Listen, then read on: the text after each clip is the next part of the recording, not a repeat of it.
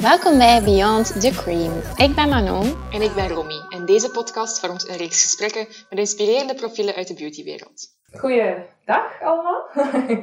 Wij zijn hier eh, bij Nomige met Dr. Barbara Geusens, de founder van Belgisch skincare-merk Nomige.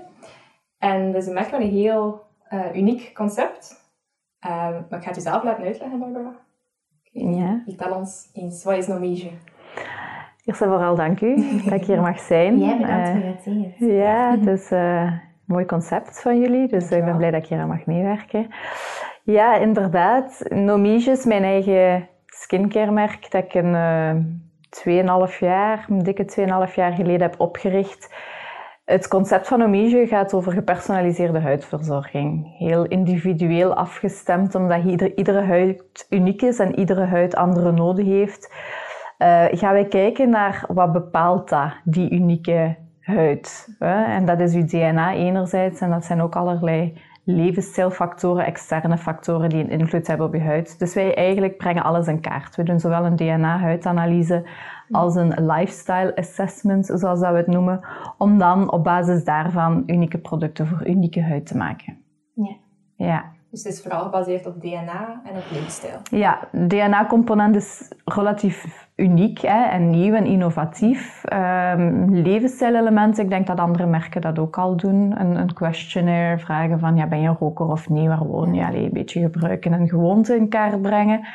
Maar dat DNA is, is, dat graaft dieper, hè? dus dat is echt eh, below the surface. Hè? Dus dat zie je niet met, met het eh, blote oog. Je moet echt een, een huidanalyse, een DNA-huidanalyse te doen om, om bepaalde kenmerken van de huid in kaart te kunnen brengen. Dat je anders niet zou weten. Dus eh, ja. Dus als ik Nomige wil kopen, dan... Hoe werkt dat dan? Altijd eerst een, eh, een swapje, zeg ik. Ja, een swapje is een, een soort van oorstokje dat je langs de binnenkant van je mond schraapt. Speeksel collecteert, wangslijmvlies collecteert. Daar kan je je DNA uit extraheren of ex- ehm, ja, filteren als het ware, uit, uit, uitpuren. En in het DNA gaan we dan op zoek naar biomerkers, zoals dat we dat noemen. Bepaalde merkers die verantwoordelijk zijn voor specifieke kenmerken van de huid. Ehm, en door te weten wat dat die biomerkers over je huid zeggen, kunnen we je huidtype, je, je intrinsiek huidtype noem ik dat, beter in kaart brengen. Dus we kijken, wat zijn zo biomerkers? We kijken hoe dat het gesteld is met uw, ehm uw collageen ehm, huishouden, zal ik maar zeggen. Hè? De opbouw, de afbraak van collageen naar antioxidanten. Dat, dat je normaal zelf aanmaakt, dat je huid aanmaakt, dat je lichaam aanmaakt. Dus welke maak je aan en in welke mate min of meer, in welke grootorde. Alles wat dat voor de huidbarrière, ehm, hoe dat je huid is opgebouwd, dat ook mm, gerelateerd is aan de hydratatiegraad, maar ook aan de sensitiviteit, hoe gevoelig dat je bent voor bepaalde stofjes. Ehm, ja, en hydratatie. Dus dat zijn allemaal kenmerken die een rol spelen in het huidverouderingsproces, maar ook in de algemene ja, gezondheidsstaat van de huid. Wat dat wij dan proberen te doen, is als je bepaalde kwaaltjes hebt, je zegt ik heb last van een, een rode huid bijvoorbeeld, ik heb last van een beetje couperose of een droge huid of een gevoelige huid, dan gaan wij kijken, kunnen wij dat genetisch verklaren? Ja. Dat heet fenotype. Fenotype wil het zeggen hetgene dat je ziet. Hè? Fenotypisch, wat je oog, met de ogen kan waarnemen. En dan genotypisch is alles wat aan je DNA zit. Ja. En meestal is er een correlatie tussen genotype en fenotype. Bijvoorbeeld bruine ogen. Het bruine oog is het fenotype. Het genotype is dan een bepaalde genetische code die bepaalt dat jij bruine ogen hebt. Zo gaan we dat dan ook doen voor de huid. Rode huid kunnen we zien in het DNA is daar een genetische verklaring voor. En vaak is dat zo, maar soms is dat ook niet zo. Dus dan kan dat zijn dat dat bepaalde externe epigenetische factoren, die niet genetisch zijn, maar andere, dat die de verantwoordelijkheid hebben gedragen voor het feit dat je een rode huid hebt. En dan, kunnen we, dan moeten we eigenlijk die huid op een andere manier aansturen. Ja. Want de oorzaak is verschillend. En dat zijn dan bijvoorbeeld onder andere de levensstijlindicatoren. Dat kunnen ook hormonale factoren zijn, levensstijlindicatoren, eh, omgevingsfactoren, Ja. seizoenen, airconditioning. ehm, maar het kan inderdaad ook zijn uw voeding, uw sport. Allee, Ja. Iemand die dagelijks zwemt, ik zeg maar iets, top, topsporter, of, of die zegt ik heb een droge huid. Mm. dan moet je niet ver gaan zoeken van waar dat, dat komt. Dan is dat niet per se genetisch droge huid, maar dan is dat gewoon om, omwille van die eh, elementen. Ja. Ja. En dat, ja, het is een, een in- ingewikkeld eh, domein, denk ik, voor eh, leken. Ja, ja. maar ehm, eh, kunnen zo een, een aantal daarop plakken, dat je zegt van ehm, zoveel procent van, van je huidkenmerken bijvoorbeeld is erfelijk bepaald dan, van je huidtoestand? Of je ja, zeker de helft. Ja. De Ja, ja, ja, zeker minstens de helft. Is Dus die genetische component is best wel belangrijk. Ja. Ehm, en en allee, dat, die erfelijke factor, wat dat met genetica gepaard gaat, dat zie je ook als je kijkt van, kijk, hoe, hoe veroudert mijn huid? Moest je dat afvragen, dan kan je genetisch kijken naar bepaalde voorbestemdheden. Naar versnelde huidveroudering bijvoorbeeld, als je daar het risico op wil bepalen. Enerzijds kun je zeggen, kijk naar mijn oma of naar mijn mama en mijn oma. Dat is daar al een beetje wat dat, dat DNA van rol speelt. Maar je kunt dat veel beter in kaart brengen door een DNA-analyse te doen. Maar ik zeg ook altijd van kijk een keer naar verschillende etnische groepen. Ja. Als je kijkt naar mensen die in Azië leven, Aziatische mensen bijvoorbeeld, die hun huidstructuur en hun huidverouderingsproces is helemaal anders. Die verouderen op een heel andere manier en die lijken altijd jonger dan dat ze zijn. En dan kun je niet zeggen dat dat levensstijl... Allee, snap je? Ja, ja, ja. Want die, die zitten ook in, in, in allee, highly polluted areas, hè, waar dat veel vervuiling is, waar dat dikwijls nog veel meer zonlicht is dan waar dat wij wonen. Maar toch verouderen die op een andere manier. En dat is dan hoe sterk dat die genetische component wel is. Dus Ja. dat ik wil zeggen van, dat is echt wel Ja. belangrijk, ja. Die, Ook die weegt wel door. Mannen versus vrouwen Mannen versus vrouwen ook. Dus mannen hebben ook een aantal andere ja, fenotypische kenmerken. Opnieuw, de meer baardgroei, een dikkere huid, speelt ook allemaal een rol in, in welke ehm, huidverzorging dat je nodig hebt. Ja. Dus wij kunnen eigenlijk inderdaad voor die reden ook iedereen bedienen. Ja. Alle type huid, alle, alle van, van zeer bleke huid tot zwarte huid, tot mannen, vrouwen, alle leeftijden. Ehm, alhoewel we meestal pas beginnen mm, vanaf een rond de 30 of zo, omdat we toch een sterk anti-aging of ja, pro-aging, maar we werken erg op aging Mhm. in. Maar kan je Ja. dan bijvoorbeeld bij iemand van, niet, 12 jaar al zien Mhm, tuurlijk. wat er Ja. de huid, eh, huidveroudering zo... Ja, ja, je wordt Wanneer- daarmee geboren. Ja. Wanneer Ja. zijn eerste rimpel gaat krijgen. Niet wanneer, dat kan ik daar niet zo precies op plakken, maar je kunt wel het risicoprofiel al bepalen. Dus hoe rapper dat je dat eigenlijk weet, Ja. hoe interessanter. Daarom moet je nog niet beginnen met producten, maar je kan wel al een test doen om te zeggen van, ah, kijk, ik heb een verhoogd risico, ik maak minder antioxidanten aan, dus ik moet daar wel meer op letten. Ehm, dan kun je je levensstijl al Ja. Aanpassen. Dan kun je daar al proactiever mee omgaan. Ehm, dus ik vergelijk dat ook vaak zo, en dat is nu misschien wel een, een drastisch voorbeeld, maar je hoort ook soms dat, eh, dat je risico's draagt voor bepaalde ziektes of zo. Genetische risico's, hè, dat dat in de, in de familie zit of zo.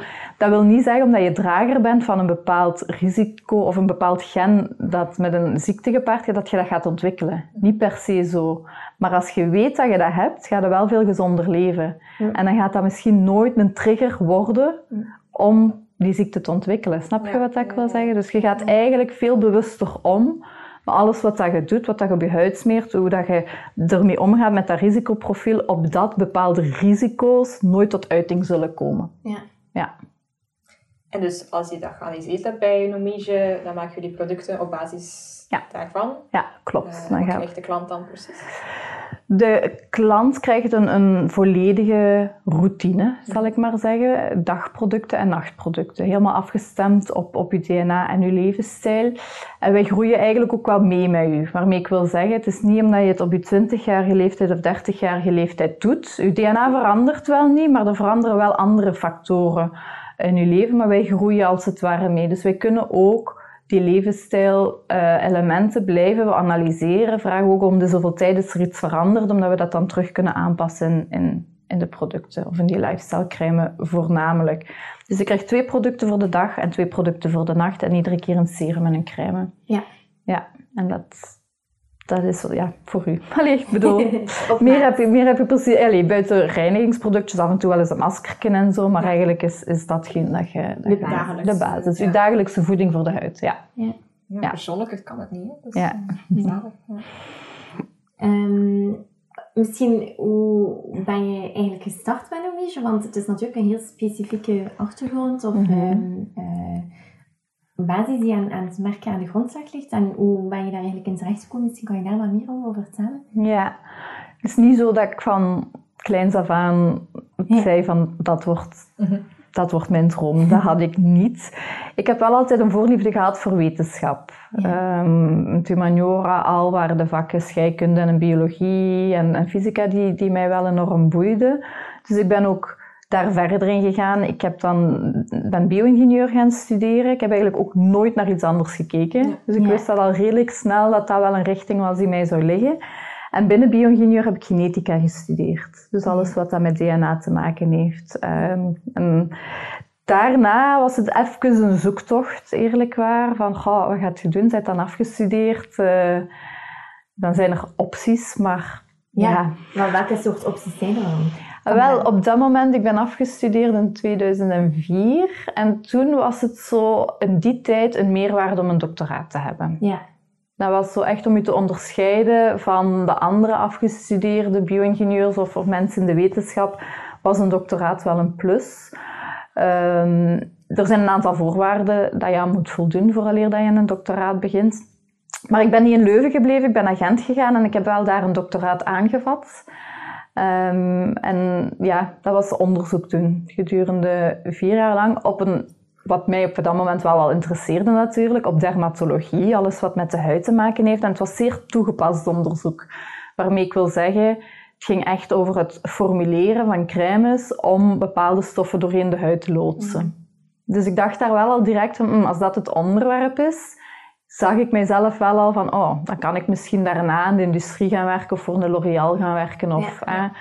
Dus ik vond dat wel op zich een heel boeiend onderwerp, omdat het zo toegepast was. Moest je mij gevraagd hebben, doe, doe onderzoek dat zeer fundamenteel is en waar dat je eigenlijk nooit een directe applicatie van ziet, dan had ik het mogelijk niet. Dan was het te abstract mogelijk geweest. Dus ik, ik heb altijd wetenschap heel boeiend gevonden, maar er moest altijd zo'n zeer, ik noem dat een translationele, een zeer toegepaste component aan zitten. Ja, ja, ja. Ja, ik ga niet allee, heel mijn leven wetenschapper in de donkere kelder om experimenten zitten doen. Dat zag ik mijzelf niet doen. Dus ik heb dat dan eh, vijf jaar gedaan, vier jaar lang in het kader van een doctoraatsonderzoek. Eén jaar zo nog ja, een postdoc gedaan. En ik voelde zo dat er tijdens die experimenten heb ik ook wel gezien dat het cliché, dat niet iedere huid hetzelfde is, dat hoewel huid ogenschijnlijk hetzelfde lijkt, danzelfde crème door de ene opgenomen wordt, door de andere niet. Dus dat daar veel variatie op zit, maar dat je niet kan identificeren op basis van blote oog. Dus dat heeft er zo wel wat toe geleid. Ik moet wel zeggen, tijdens mijn doctoraatsonderzoek, daar zijn denk ik wel de zaadjes geplant geweest voor dat concept.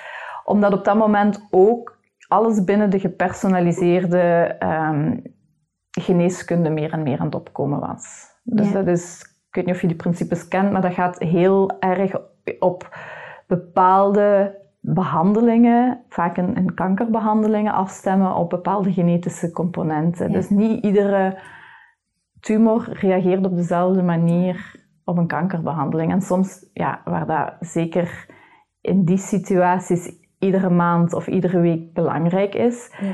hoe rapper dat je de juiste chemotherapie kunt opstarten, ja, hoe beter uiteraard. En in plaats van een beetje trial and error te doen, gaan ze eigenlijk kijken, die tumor gaan ze in kaart brengen, genetisch, om te kijken, die gaat daar en daar en daar, dat gaat, dat gaat beter aanslaan. Ja. Dus vanuit dat was ik aan het denken, oké, kunnen we dat dan op skincare ook toepassen? Daar is ook veel trial and error. Van ja, de ene zegt dat je zo'n huidtype hebt en een andere keer voelt mijn huid zo aan. Dus hoe kunnen we dat, diezelfde principes toepassen op, op, op ehm, huidverzorging?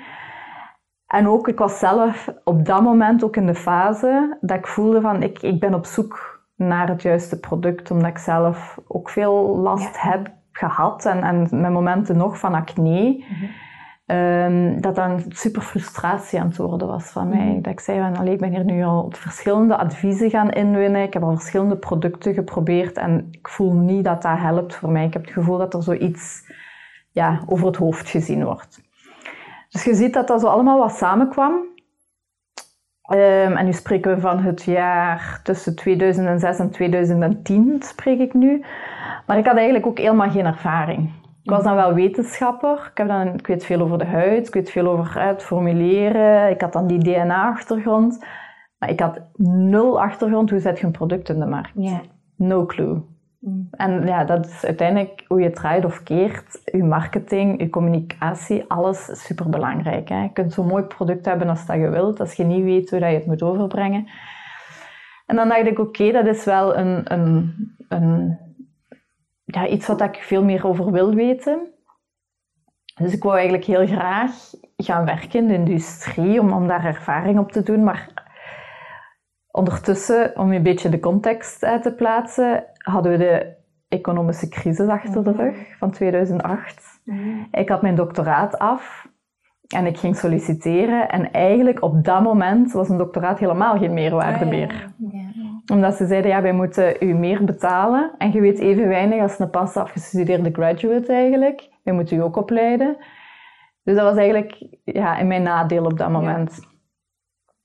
En dat is wel een bummer. maar eh, dan ja, heb, ik, heb ik beseft van in plaats van terug in die R&D-functies te rollen voor, voor bedrijven. Ik zeg, ik wil daaruit. Ik wil iets veel meer doen waar dat ik echt merk hoe dat we mee een product kunnen lanceren. Maar uiteraard kreeg ik die kansen niet. Heb ik een jaartje ehm, business school gedaan. Om die blik te verruimen. Alles wat ik niet geleerd heb aan Dunif. En dat was eigenlijk best wel waar. hè. Ik was heel niche bezig. Wetenschappelijk, ja, op dat vlak wel sterk. Maar ik wist van de wereld niet, bij wijze van spreken. En dan heb ik dat gedaan en dat heeft wel heel veel deuren geopend. Ja. Ehm, door dat te doen ben ik dan ehm, ja, bij Omega Pharma kunnen gaan werken als, als innovatiemanager, een beetje productontwikkeling mee aangestuurd. En daar heb ik, heb ik de knipjes van het vak wel geleerd. Ja. Heel nauw samengewerkt met de marketing om te zien, ja, hoe, hoe lanceer je een product? Ja. Wat is er belangrijk? Want Ja. dat vind ik een- enorm inspirerend aan, aan uw verhaal ook. Hè, dat, dat die twee kanten zo verenigd worden in, in één persoon. Dus Ja. en het wetenschappelijke en de productontwikkeling. En inderdaad, ehm, hoe bouw ik een bedrijf, hoe zet ik een product in de wereld. Je ziet bij veel merken, is dat vaak twee verschillende personen die dan samenkomen en dat in de wereld zetten. Maar ik denk wel dat dat heel veel ehm, moed ook moet gevraagd hebben van u, om toch die stap te durven zetten van oké, ik ben een wetenschapper en ik Ja. ga mezelf eigenlijk omscholen naar business. Ja. Ja. Eh, allee, ik vind dat wel... Ja, Ja, je beseft dat niet op het moment dat je die stap maakt hoor. ja, Je stapt daar eigenlijk met een, een gezonde portie naïviteit in ja, ja. en met veel optimisme. Ehm, maar ja, ik heb daar eigenlijk nooit zo op die manier over nagedacht. Nee, ja, ja, ja. En dat moet je denk ik ook niet doen, niet te veel over nadenken. Want anders doen. dan, ja, er komt veel op je af gedurende dat traject. Ja. Is dat je toen al in je hoofd met dat je ooit zelf iets wil oprichten? Of was het vooral van Jawel. eh, ergens? Ik Ja. zat in mijn hoofd dat ik iets zou oprichten op het moment dat ik besefte, eh, tijdens mijn doctoraat al een beetje, het moment dat ik besefte van, ik heb zelf een probleemhuid, waarom bestaat dat niet? Wat dat ze doen Ja. binnen die eh, ge- gepersonaliseerde geneeskunde, waarom bestaat dat niet voor de huid? En dan was ik zo'n beetje beginnen zoeken. Op dat moment was 23andMe, ik weet niet, een Amerikaanse speler eigenlijk wel al heel her- erg aan het opkomen. En dat was de eerste direct-to-consumer genetic test op de markt. Ja. Ja. En wat deden die? Die op dezelfde manier gelijk wij doen, speeksel collecteren. En dan brachten die eigenlijk een, een full genome screening. Dus je hele genoom werd gescreend en werden risicoprofielen in kaart gebracht. Maar ook waarbij allee, risico's op kankers en zo Ja. in kaart werden gebracht. En dat werd eigenlijk op dat moment ook direct aan de consument, eindconsument, zonder tussenkomst Amai. van een arts of geneesheer. Dus die hebben, ja, die hebben daar een, heel veel faam en, en zo wel mee gemaakt. Maar anderzijds zijn die ook wel teruggeroepen geweest door de FDA, omdat dat geen Ja. context gaf. Mensen gingen veel te rap in paniek eh, bepaalde medicatie nemen. Maar ik vond het op zich wel een heel inspirerend voorbeeld, omdat ik dacht dat is de toekomst. Ja. Direct-to-consumer genetic testing, dat mensen thuis kunnen doen. Dus dat is allemaal langzaamaan beginnen incijpelen van ik wil dat, ik wil dat, ik heb mijn wetenschappelijke kennis. En dat was zo'n puzzel die langzaamaan vorm, oei, vorm begon te krijgen. Ehm, en, en die begon ja, gelegd te worden. Maar ik, in 2012 heb ik echt op het punt gestaan om te doen, Mhm. om, te, om die sprong te wagen. Maar ik heb het eigenlijk niet gedurfd. achteraf gelukkig. Maar ik heb het niet gedurfd omdat ik voelde van, ik ken heel veel van die wetenschap en alles, ik noem het upstream. Hè, ehm, maar ik weet niet hoe dat ik het naar de consument ga moeten vertalen, het hele marketinggebeuren. I had no clue. Echt, ik wist het echt niet. Eh, wat dat er allemaal bij kwam kijken, van wetgeving, van pff, ik wist het niet. En dat heb ik dan wel allemaal geleerd door drie jaar in de industrie te werken en daar eigenlijk als een spons superveel op te nemen. En op een gegeven moment dacht ik van ja, die is opgekocht geweest, Omega Pharma, door een grote Amerikaanse speler. En op dat moment dacht ik, het is een moment. Ja. Als ik het ooit wil doen, dan moet ik het nu doen. Ik heb getwijfeld om het misschien binnen, binnen dat bedrijf te lanceren destijds. Ik heb het nooit gedaan. Ja. Misschien maar goed. Ja. Ehm, en ik dacht, ik ga het zelf doen. Ehm, uiteraard, ja, wel nog wel overwogen. Hè. Ik, ik, ik moest mijn funding, ik moest een beetje financiële middelen hebben. Dus op het moment dat ik dat zo wat bij elkaar gesprokkeld had, heb ik mijn ontslag ingediend en heb ik gedacht, ik doe het nu. En maar goed dat dat nu, wel- allee, nu, ik spreek van 2017 dat ik gelanceerd ben, vijf jaar na dat ik het eerst wou doen, 2012. En maar goed, want die marktmaturiteit, het, het feit dat je die test in de markt zet, dat was nodig geweest. Moest ik het vroeger gedaan hebben, dan denk ik niet dat de markt daar klaar voor was. Ja. Ja, ondertussen is dat iets wat dan meer en meer aan het opkomen is. Misschien heb je dat ook al gemerkt binnen nutrition, binnen sports, binnen van alles.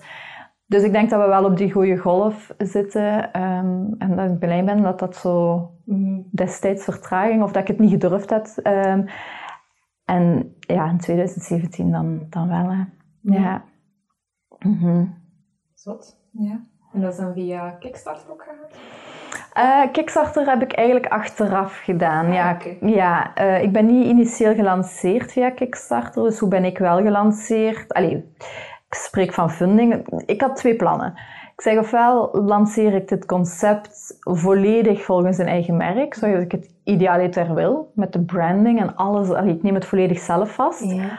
Ofwel maak ik dat een concept dat ik kan licentiëren. Dat meer B2B is. Dat ik met dat idee naar iemand anders stap en zeg, Ja. kijk, jij plakt er uw naam op, ik doe achter de schermen het werk. Maar dat, kun, dat kon van dokter X, Y, Z gaan, dat die ineens een eigen merk zouden hebben. Maar dat kon ook grotere spelers zijn. Maar dan dacht ik, ik doe een soort van licentie. Want die twee modellen hebben een heel andere kostenstructuur. Hè. Ja. Dus ik zag het van, oké, in het worst case scenario, als ik maar zoveel geld bij elkaar haal, dan ga ik voor het licentiemodel. Maar als ik alles bij elkaar haal wat ik had gebudgeteerd om branding, verpakking, alles te ontwikkelen, oké, dan ga ik voor het Nomige verhaal dat toen nog geen naam had zelf. Ik moest zelfs nog een naam vinden. Dus, allee. Ehm, enfin, en dan ben ik bij ja, subsidies van Vlaio, de bank, PMV, overal gegaan. Friends, Fools, Family, gelijk dat dat gaat. En dan mijn potje verzamelen. En ik had eigenlijk alles wat ik nodig had om dit verhaal uit te bouwen. En dan ben ik eraan begonnen. En dan was ik in het begin, oké, waar starten we? Ja, Ja, hoe gaat dat, die hoe eerste gaat dag? dat? Ja. Van ik ga, ik zit aan mijn Je bureau zit aan en ik begin. Wat voor mij echt alles pas in gang heeft kunnen trekken, is een naam hebben. Ja. Zolang dat ik geen naam had, vond, blokkeerde alles bij mij. Ik denk als je een naam hebt, dan is dat precies een babytje dat geboren is Ja. en dat in de wereld Ja. is. En, En dat lukte niet. Ik, in het begin, ik heb daarop gevloekt. Dus ondertussen ging ik naar beurzen. Ik ging wel al allee, sourcen voor verpakking. Ik begon wel dingen uit te zetten, maar om, ja, om daar echt... Dat moest een naam hebben en dan... Oh, gebrainstormd over namen met alcohol, zonder alcohol. en alle mogelijke constellaties met alle soorten mensen. Oh nee, daar was ik op een gegeven moment heel ongerust over dat niet Ja. ging lukken. Want ik had, zo, ik had een paar dingen in mijn hoofd, een paar voorwaarden. Ik zeg, kijk, dat moet een naam zijn dat als je het googelt, dat dat opkomt. Dat is dat de enige. Dat dat het enige is. Ja. Dat je dat kunt trademarken en dat dat iets is dat, dat je niet, allee, dat niet random, ik zeg, noem het niet skin DNA bij wijze van Ja, spreken, ja, want ja, hè, ik moest, trade, ik moest erop kunnen trademarken, het moest een unieke naam zijn, maar het moest ook een link hebben met het concept. En Nomige staat voor genome, dus een woordspeling, like Ah. maestro, Stromae, hè, zo een verlan. En uw Ja. genoom is uw DNA, de verzameling van uw DNA. Dus ja, zo, ja. Uiteindelijk ben ik er zelf op gekomen na x aantal agentschappen te hebben afgeschuimd van voor een naam mee helpen te creëren. Ja, ik vond dat dan iedere keer zo teleurstellend. Ja. Ben ik er dan, ja, ineens was het daar.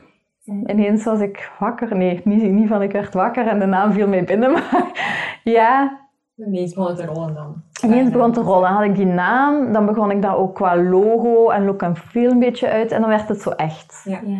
Dan had ik mijn, mijn eigen e-mailadres en dan, dan is het echt. Hè. Je kaartjes en dan kun je niet meer terug.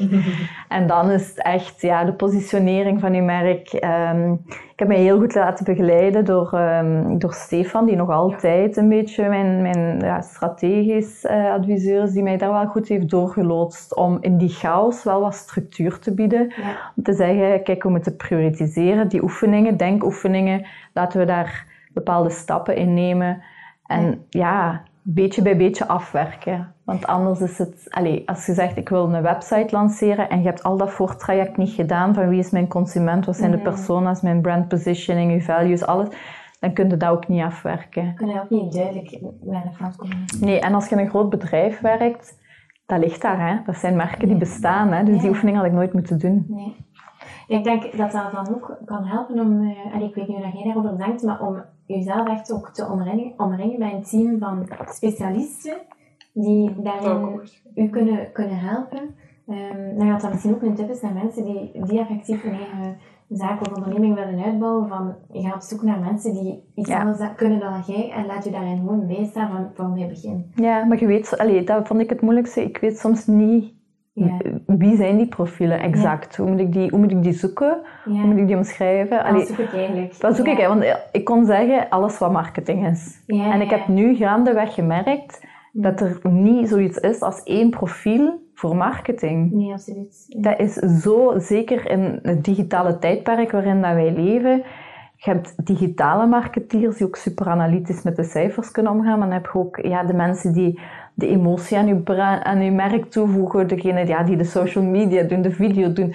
Het is niet meer in één persoon. Nee, Het is niet meer. nee. Waar dat, dat misschien vroeger, Mhm. oldschool gewijs, wel veel meer bij ene brandmanager zat. En nu is dat... Dus dat vond ik wel een beetje moeilijk.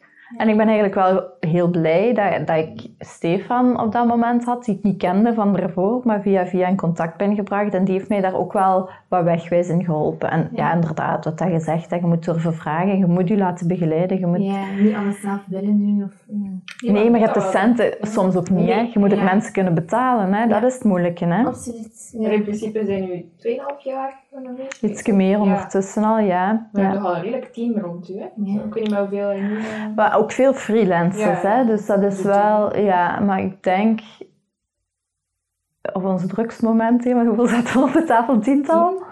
Ja. Ja. Ja. Met een aantal freelancers, een aantal, allee, freelancers die eigenlijk wel, ik beschouw die tot mijn team, omdat die meegaan. Het is niet zo een keer voor, ah, creëert een keer Nee. is een logootje en daarna nooit meer nodig. Nee, het zijn wel mensen die ja, met elkaar ja, betrokken zijn en met elkaar in, in contact staan om, om maandelijks die contentkalender up te daten, die juiste communicatie uit te sturen. Dus, Mm. ehm, maar dat kun je van begin, is dat, is dat niet zo evident, omdat je, je budgetteert dat ook niet. Nee, Je denkt in begin... Je denkt daar niet aan. Ja, of je denkt dat is ene persoon. Ja. Of Ja, dat zijn ja. er twee. Ja, maar dat is... Ga iemand daar niet over marketing? Ja, of zoiets. Eh, dus je Ja. denkt daar, je onderschat de kosten uiteraard. Je weet niet, ja. Wat, wat was uw grootste challenge tot nu toe? Misschien. Oh ja, dat, dat zijn er zoveel. Oh, dat is een aaneenschakeling van challenges. Eh, en, en daar overkoepelend de grootste challenges, die challenges kunnen aan, allee, Ja. durven aangaan gewoon. Ja. Ehm, u niet durven spreken en ook niet de moed opgeven en, en gewoon zo zeggen van durven prioritiseren ook, want niet alles heeft evenveel dramagehalte. Dus echt zeggen van dit is nu belangrijk en daar ga ik mee op focussen en al de rest. ehm. maar je moet, je moet een zekere stressbestendigheid en optimisme hebben wel. Het gevoel hebben van ja, we gaan dit wel aankunnen. Ik weet het antwoord nog niet, Ja. maar we zullen dat wel vinden. Mhm. En dan is dan heel belangrijk dat je wel een goed team rond je hebt die meedenken, dat is wel waar. Ehm, Waar je ook op kunt vertrouwen. die je kunt vertrouwen en dat je ook Ja. voelt van die, die hebben intrinsiek als persoon dezelfde waarde dat jij wilt uitdragen met je merk. Dat vind ik Ja. belangrijk als je een team Ja. samenstelt. Dat die, dat die waarde hebben eh, allee, ze moeten niet dezelfde karaktereigenschappen hebben, want dan, dat gaat ook niet. Je moet eigenlijk een heel divers team, maar wel een common ground hebben.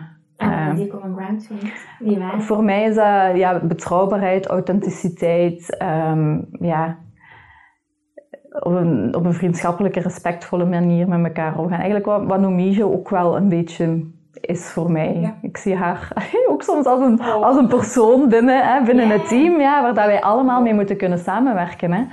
Mooi. Dus Ja. ehm, ja. Welk advies zou je jezelf geven van 2,5 jaar geleden? En wat dat je nu weet? Eh, misschien rapper ook een financieel adviseur betrekken. Mm. Ja. Allee, ik spreek nu over wetenschap, ik spreek over marketing, maar dat financiële aspect dat is ook zo belangrijk. En dat is zo het, je moet er dat bij nemen als, als zaakvoerder en je moet dat constant die budgetten managen en zien, ja, als je nieuwe funding nodig hebt, dat je op tijd daaraan begint. Dat vind, dat vind ik op zich een heel moeilijke taak. Ja. Ehm, dus als je daar iemand van begin in kunt betrekken, of als je zegt, kijk, misschien ook een co-founder van begin rapper betrekken, ehm, met wie dat je zo wat die, die verantwoordelijkheden kunt delen. Ik heb dat, allee, dus niet dat ik dat niet wou, helemaal niet, maar ik vind dat wel heel belangrijk dat dat een persoon is die, die volledig bij je aansluit. Ja. Dus ik heb dat niet bewust afgehouden. Ik heb op dat moment niemand gevonden die, die perfect als co-founder bij mij kon aansluiten. Maar ik sta er nog altijd voor open, sowieso, om, om, om zo, ja, een partner in dat team Ja. wel te betrekken om die verantwoordelijkheid en die rollen ook goed gescheiden te houden. Dus ja, eh, alles wat legal en financial aangaat, is, Ja. is best wel aanzienlijk. En dat is iets wat dat heel veel mensen onderschatten. Of Ja. ja, heel veel mensen. Ik mag dat misschien niet veralgemenen, maar ik toch. Ja, ja. En is er een advies die je zelf van iemand anders hebt gekregen dat meer van waardevol is geweest? Eh, of een soort ja, visie of... of... Ehm, goh, ik spreek wel, ja, door, iemand heeft mij gezegd, niet bang hebben om te babbelen over je idee. Er zijn, zeker bij, bij mensen die een idee hebben en, en een concept willen lanceren, denken veel te rap. Als ik dat vertel, gaat iemand anders ermee lopen. Want dat is niet, het is niet zo dat door iets te vertellen, dat mensen dat zomaar gaan overnemen. Ik ben nu echt in de positie dat ik zeg, probeer het maar. Ja, dat is het. Doe het maar.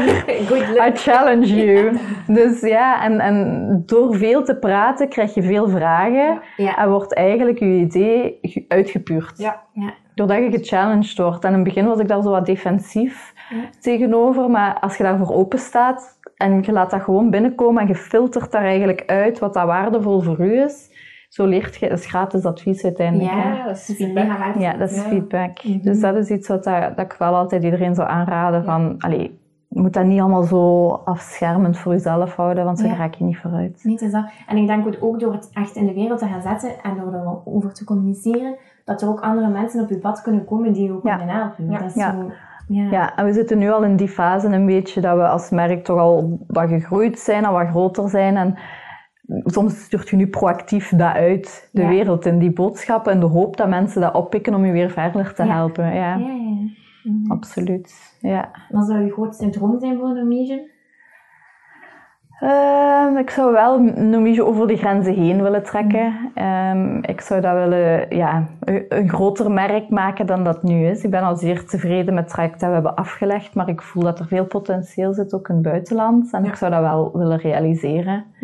Ik ga geen cijfers plakken over ik wil zo groot of ik wil die omzet of ik wil dat, dat helemaal niet, maar ik wil wel zoveel mogelijk mensen helpen met hun huid. Mhm. En zoveel mogelijk ook skincare as a service aanbieden. We praten veel over het product, wat Nomige is als product, maar daarbuiten doen wij eigenlijk ook heel veel. Wij adviseren en wij, schrijven heel veel blogs en we proberen mensen te informeren, te educeren, allee, te, ja, op te leiden. En het is misschien dat academische dat daar terug Ja. in mij naar boven komt, hè, dat ik destijds ook wel ehm, graag gedaan heb. Dat ik die kennis kan overbrengen. En dat ik mensen een beetje wegwijs kan maken in... eh, Dat is wel iets zeer uniek. Hè? Zo, je vertrekt vanuit dat wetenschappelijke ja. en daaruit naar de skincare gaat. In plaats van mensen die heel graag een skincare brand willen starten en dan ik heb een wetenschapper nodig. Zo. Ja. Ik denk dat dat ook iets uniek soms, is. vaak, vaak gebeurt het omgekeerd. Ja, gebeurt het van een marketingidee Mhm. die dan de nodige wetenschappers of zo Ja. rond zich gaan scharen. Terwijl, ja, bij mij is het omgekeerd gestart. Ja. Want er komen nu heel veel mensen met skincare ideeën. Um, Absoluut. Kun je daar daar tegenover staat? Denk je dat het tegenwoordig nog slim is om je eigen skincare brand te starten? Voor mensen Ja, die, ik denk alleen anders zou mijne ook niet gestart hebben. Ja, tuurlijk. Ik, ik ben natuurlijk... Ik, ik start altijd van... Als ik naar een concept kijk of een product kijk... Het eerste waar dat ik naar kijk is... Does it make sense to me? Ja. Wetenschappelijk. En daar is heel vaak... Ja, dat kwam mijn wenkbrauwen frons. Dat geef ik wel toe. Heel veel Ja. concepten worden gelanceerd vanuit... Ik weet niet waar, dat eruit soms van komt. Maar claims en, en hypes, dat ik niet altijd volg. Maar mm, ik, ik laat dat ook gebeuren. Als ze mijn mening daarover vragen, ga ik daar ook mijn eerlijke mening over geven. Ehm, Is er zo'n hype, je moet zonder een merk of een product, specifiek product te noemen, maar bijvoorbeeld een soort fenomeen of zo, dat je denkt van, hmm, dat is niet echt... eh, maar meerdere. Ehm, goh, er is nu in de UK, want daar had ik nu laatst een vraag over van een journalist, een hele non-toxic hype. Non-toxic. Ja, zo Non-toxic. Een, cla- een claim dat ze zeggen op verpakking. Ja. ja, naast organic, vegan, Ja. weet ik veel, cruelty-free, non-toxic, Ja. dan denk ik, ja, niks dat kan niet. Ja, je moet aan de wetgeving voldoen vooraleer dat je een product op de markt brengt. Dus ieder product dat gelanceerd wordt binnen de EU is Is non-toxic. Dus dat slaat nergens op. Dus ik, ik vind dat dat Ja. daardoor de indruk geeft, en dat vind ik eigenlijk fout, dat, me- dat merken die dat niet claimen wel toxic zijn. ja, absoluut. Ja. En dezelfde, destijds heb ik dat ook heel erg gehad met de paraben-free. Ja. Dat door dat te claimen laat je uitschijnen dat merken die dat wel gebruiken gevaarlijk zijn. Mhm. Terwijl dat er inderdaad binnen de parabenengroep waren, zijn er een aantal die zijn ondertussen verboden, maar er mogen er nog altijd gebruikt worden. Er wordt nog altijd goedgekeurd en, en, en onderzocht. En dat is een van de meest onderzochte preservative systems die er zijn. Hè? Al die nieuwe die ze nu introduceren, die baren mij veel meer zorgen, omdat die veel minder lang onderzocht zijn in studies. De lange termijn effecten weten wij daar zelfs nog niet van. Dus daar heb ik het heel moeilijk mee. Ja. Ja, en dan ook zo, vegan is ook iets, ik snap dat je vanuit een ideologische eh, dingen zegt van alles wat dat met beestjes te maken heeft, doe ik niet. Maar als je puur kijkt naar wat is goed voor mijn huid, en, en diezelfde mensen willen dan misschien ook het beste effect op de kortst mogelijke tijd, dan denk ik, wat kan je huid heel goed verdragen? Alles wat zo compatibel mogelijk is met de huid. Iets wat de huid herkent, dat is bijna huideigen. En niet op gaat reageren omwille van ja, vreemde, vreemde stoffen dat het niet herkent. Ja. Dus je huid is ook...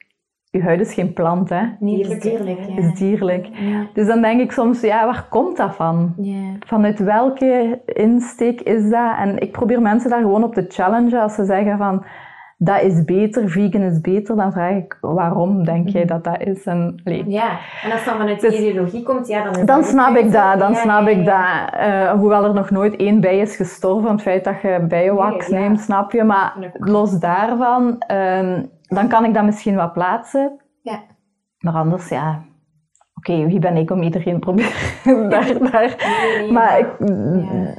Ja, er zijn veel, veel van die hypes. En dat gaat altijd zo blijven. Ja. Dat gaat altijd zo blijven. Maar dat zijn, aan de mensen.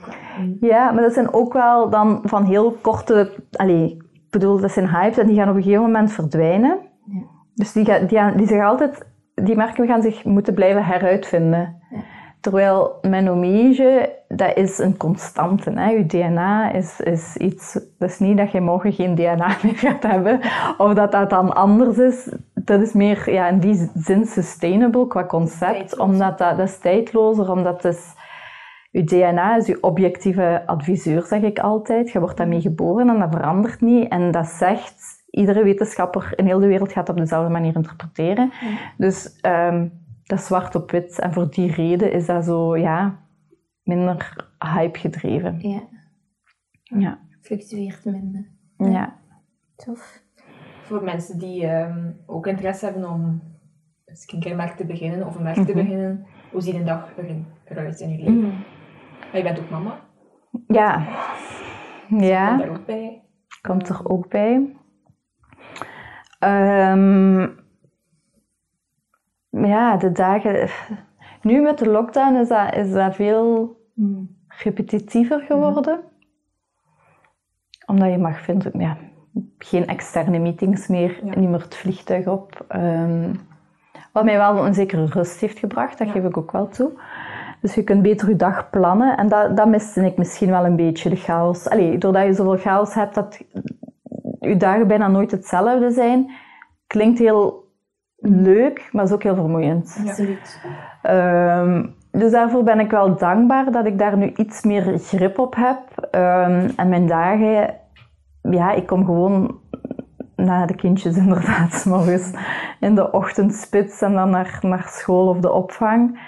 Kom ik naar het kantoor en dan ehm, probeer ik iedere ochtend, alvorens dat ik naar het kantoor kom, ik, ik doe mijn gsm, hoop, probeer ik niet open te doen totdat ik hier ben. Om Ja. gewoon op voorhand na te denken van hoe wil ik, wat wil ik af hebben die dag? Ja. Wat gaat mijn focus van de dag zijn? Er komt heel veel op je af. Ja. En in plaats van mijn dag reactief in te vullen, als antwoord op al die mails die binnenkomen en telefoontjes, wil ik dat veel proactiever doen. En zeggen, kijk, dat zijn mijn drie dingen dat ik moet afwerken vandaag. En zo probeer ik dat ook na te leven. Dus ik probeer mijn dagen wel, als ik geen externe meetings heb of geen dingen op die manier in te vullen. En anderzijds is dat meer en meer wordt dat een, een, een rol waar dat ik vroeger misschien nog veel labo deed en heel veel customer service deed, voel ik wel dat ik daar uit aan het rollen ben. Dat initieel mijn passie was naar productontwikkeling en innovatie toe, heb ik dat wel een beetje moeten loslaten, omdat je kunt niet als zaakvoerder alles doen. Ehm, dus dat wordt zo wat, moet ik het zeggen, je krijgt meer een helikopteroverview, maar minder Ja. diepgang. Ja. En dat is soms moeilijk Ja. Dat ik dat moet loslaten. Omdat ik van nature uit en door mijn opleiding altijd naar die diepgang gestreefd heb, dat ik nu zo wat van bovenuit, zal ik het maar zeggen, wat moet aansturen en van alles iets weten, maar eigenlijk niet meer de details. Dat vind ik, vind ik op zich wel challenging. En daar Ja. moet ik leren mee omgaan, nog altijd de dag van vandaag. Ja. Dus ehm, ja, mijn, mijn dag ziet er eigenlijk ja, Toch wel altijd anders. altijd wel anders qua inhoudelijk. Ehm, en en het, is, het is ook veel ja, durven, durven beslissingen. Iedereen komt bij jou met de finale beslissing die jij moet nemen. Ja. Dus die verantwoordelijkheid ligt wel bij je. Ja. Dus ja, voilà. Is Zo, ik weet niet of dat een juist antwoord is op de vraag, maar ik kan, kan het moeilijk omschrijven hoe dat mijn dag eruit ziet. En Eh. je het makkelijk om het werk los te laten? Dus zo Nooit. constant... eh, Nee, dat Maar is de vloek van je eigen. waarschijnlijk. Hè, ja. soms wel Alles dat je lastig. ziet, past het toe Ja, werken. Dat is soms wel lastig. Ja, dat stopt nooit. En vroeger had ik nog het kantoor thuis, dus dan was dat fysiek, moest ik maar een trap op gaan. Ehm, nu ben ik al, alleen is maar een kilometer van mijn thuis, maar gewoon die fysieke afstand hier de deur toe doen en dan naar huis kunnen wandelen, dat is wel goed, maar het stopt echt nooit. Ja. Je bent er altijd mee bezig, ook ja. Je telefoon doe je open. Allee, we staan er ook voor. Hè. We zijn ook Ja. een merk dat die in dialoog treedt met, met de klanten. Dus die klanten die, die, die vinden dat ook fijn, dat ze ergens terecht kunnen met hun vragen, maar daardoor heb je altijd het gevoel ja, dat je er altijd mee bezig bent. Maar ik vind ook niet, het is geen vloek hoor. Mm. Ik moet gewoon proberen op een gegeven moment een manier te vinden dat ik het soms wel kan afzetten. Dus bijvoorbeeld tijdens vakanties of zo. Ik ben daar nog niet, dat is mij nog nooit gelukt tot nu toe. maar ik hoop wel op die dag dat ik dat ooit eens kan doen en zeg: Oké, nu laat ik het gewoon eens even los. Ja. Ik heb dat misschien wel na mijn tweede bevalling twee weken gehad. Twee. Ja, dan heb ik dat twee weken. Zo even dat ik, dat ik dacht: Oké, het team redt zich wel. En dat is ook, hè? Ja. Dat redt zich ook, hè? Dat is ook zo. Ik ben eigenlijk niet... Allee, het is niet omdat ik er niet ben dat dat, dat, dat gaat spaak lopen, maar dat is gewoon... Ja, het is gelijk een ander kind. Je wilt, daar, je wilt, daar, je wilt weten wat dat aan het doen is, hoe dat gaat. Ja, dus... ehm, Challenge. ja, absoluut. Absoluut. Een goede balans vinden. Misschien nog een paar zo korte, korte vraagjes over uw eigen relatie met beauty. Eh, ik weet niet of dat je zo kan zeggen wat dat, wat dat schoonheid voor u betekent. Ehm, Ja, de filosofische toer. Eh, schoonheid is gewoon je goed voelen in je vel, denk ik. Ehm, ja, er zijn zoveel schoonheidsidealen en, en, en er wordt wel altijd gestreefd naar een bepaald... Als ik dat kijk heb op Instagram, ik, ik zit daar niet zo hard in als dat je denkt. Mm. Ik bekijk dat vanuit, vanuit mijn standpunt en vanuit mijn wereld, maar het is niet dat ik zo'n eh, skin freak ben dat, Ja. dat, dat idealen nastreeft of zo. Ik vind het gewoon heel belangrijk dat je, dat je huid, dat je de meest optimale versie van je huid kunt geven. Allee, je kunt laten creëren door die de juiste voedingsstoffen te geven. En dat is een beetje waar dat ik naar streef met Omige. Als je huid de meest gezonde versie van zichzelf is, is dat de koer een, een, een beter en jonger uitziende huid. Ja. En als je dan ook nog eens goed voelt, je voelt je goed in je vel, dat straalt zich dan ook uit. Eh, zonder dat dat met die vorm van jukbeenderen of die glow of Ja. die dit of die dat is. Dat is Ja. voor ieder heel individueel en dat is voor ieder is dat ook een ander eindpunt. Dus ja, wat, wat, wat uw beste versie van uw huid is, is anders dan de beste versie van mijn huid. Maar wel die individueel proberen nastreven, dat is voor mij schoonheid. Ja. Dan probeer je ook vaak dingen van andere merken? Of heb je zoiets van, Omige is voor mij... Nee, ik doe dat wel. Ja? Ja. Al is het maar om te kijken naar innovaties. Stel dat wij met Omige nog iets willen perfectioneren of ooit nog eens iets toevoegen, dat ik weet van wat leeft er. Ja, dat is een deel van het marktonderzoek. Ik moet dat doen. Hè. Ja. Ja, klopt. En nu had ik dat laatst had ik nog eens een, een productlijn gekocht en getest. En ja, ik sta terug vol. Ah, ja. Nee, het is echt waar. Ja. Dan denk ik, kijk, mijn huid, dat is niet, niet typisch voor mijn huid. En mijn huid is zeer acne-gevoelig. En ik, misschien ook wel in combinatie met de nodige portie stress dat ik wel gehad heb. Dat zal er ook wel wat mee te maken hebben. Maar ik voelde dat mijn huid dat gelijk niet aanvaarde. Ja. Dus ja, ik probeer wel, maar soms, ja, ik moet dan toch wel altijd teruggrijpen naar, naar gewoon mijn basis en niet te zot en niet overtreaten. En Dat mijn, is goed. ja, Het is maar simpel. ja, ja, klopt.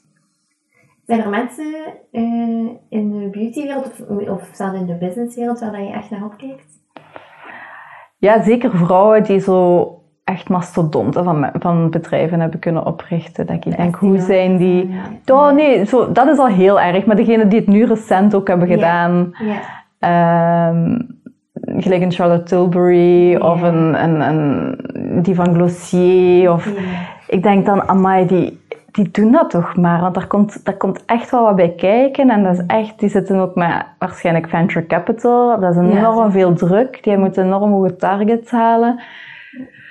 Dus ik vind dat wel, allez, chapeau. Ik weet ook niet of ik dat niveau van succes, of hoe dat je dat ook wilt definiëren, nastreef. Omdat ik denk dat dat toch enorm veel druk op, op, op u legt. Hè. Ik, Ja. ik geniet van dit te kunnen doen. Ik wil groeien. Ja. Maar eh, soms krijg ik de vraag van... eh, of hoeveel miljoen omzet je wilt halen, dan denk ik, wow, wow, daar heb ik zo precies nog niet, geen kan en klaar antwoord op. Ik, ik, ik wil, laten we stap voor stap gaan en, en laat ik Nomige, eh, zoveel mogelijk Nomige lovers en mensen echt kunnen helpen met hun huid. En dan zal dat wel organisch groeien, zonder dat ik al te veel druk op mij wil leggen, omdat dat eh, ineens op zoveel jaar tijd zoveel omzet moet draaien. Misschien om af te sluiten. ehm, what's next? Voor Nomige, voor Barbara, in het algemeen. En wat kijkt er uit? Ehm, Heb je nog vakantieplan? Ja, vakantie hopelijk eh, Mhm. kunnen we nog in oktober weg, als we dan tegen dan niet terug vastzitten. Ja. Maar voorlopig nu even geen vakantieplannen. What's next? Ehm, Een paar exciting things dat we wel aan het doen zijn. Ehm, misschien nog niet te veel verklappen, maar we zijn nu in Omige heel hard op e-com, op, op, op eh, online verkoop wel aan het sturen. Dat natuurlijk parallel gaat met de business uitbouw, hè, development in het buitenland, waar dat ik ook nog wel mee bezig ben. Maar om dat ehm, digitaal daar de verkoop te stimuleren, heb je misschien al gezien, zijn we wat meer low entry, Ja. lagere instap Ja. formules aan het eh, promoten. We hebben nu een, een twee week testpakket gelanceerd, nog maar super recent. Dus we gaan een keer kijken hoe dat, dat hoe dat, dat evolueert. De DNA-test, al wil je gewoon inzichten krijgen in wat is uw intrinsiek huidprofiel, dat kun je ook apart doen van de producten Ja. nu, in plaats van dat je dat hele pakket moet kopen. En er zijn nog wel een aantal dingen in de innovatiepijplijn waar dat ik mee bezig ben, maar ik denk dat het nu gewoon heel belangrijk is dat we proberen Nomige nog eh, een beetje te doen groeien, Mhm. om dan langzaamaan nog wel wat producten eraan toe te voegen die mooi aanvullend zijn, zeker niet vervangend zijn van het huidige gamma, wel mooi er kunnen aangevuld worden. Ehm, dus ja, ja, nu lo- longt het buitenland en ik hoop daar heel snel een Ja. beetje tractie te kunnen genereren. Ja. Super. Waar kunnen mensen Nomige volgen, kopen, bekijken? Ehm, volgen op, op onze Instagram-pagina, Nomige underscore skincare. We hebben een Facebook-pagina, we hebben een YouTube-channel. We hebben natuurlijk onze website. Daar kan je heel veel informatie vinden, ook op de Skin School. Ehm, dat is een hele omgeving waar dat je heel veel gewoon kan bijleren. Skintips krijgt, webinars kan volgen. Ehm, ja, Super. En we werken ook samen met een aantal artsen en partners, dus daar kan ook Nomige, als je zegt van ik heb toch graag een woordje uitleg erbij. Virtuele consultaties doe ik zelf ook, dat kan, maar je kan ook naar een partnerdokter gaan of een instituut met wie dat we samenwerken. Ja. Super. Dankjewel. Het was, Ja. ik vond het heel, eh, Heel interessant. heel interessant. Ja. Fijn, Ik dank je. mee te doen. Ja, maar dank u om mij te inviteren. En we kijken uit eh, naar onze toekomst. Bedankt. Yes. Ik ook. Succes ook. Salut. Tada.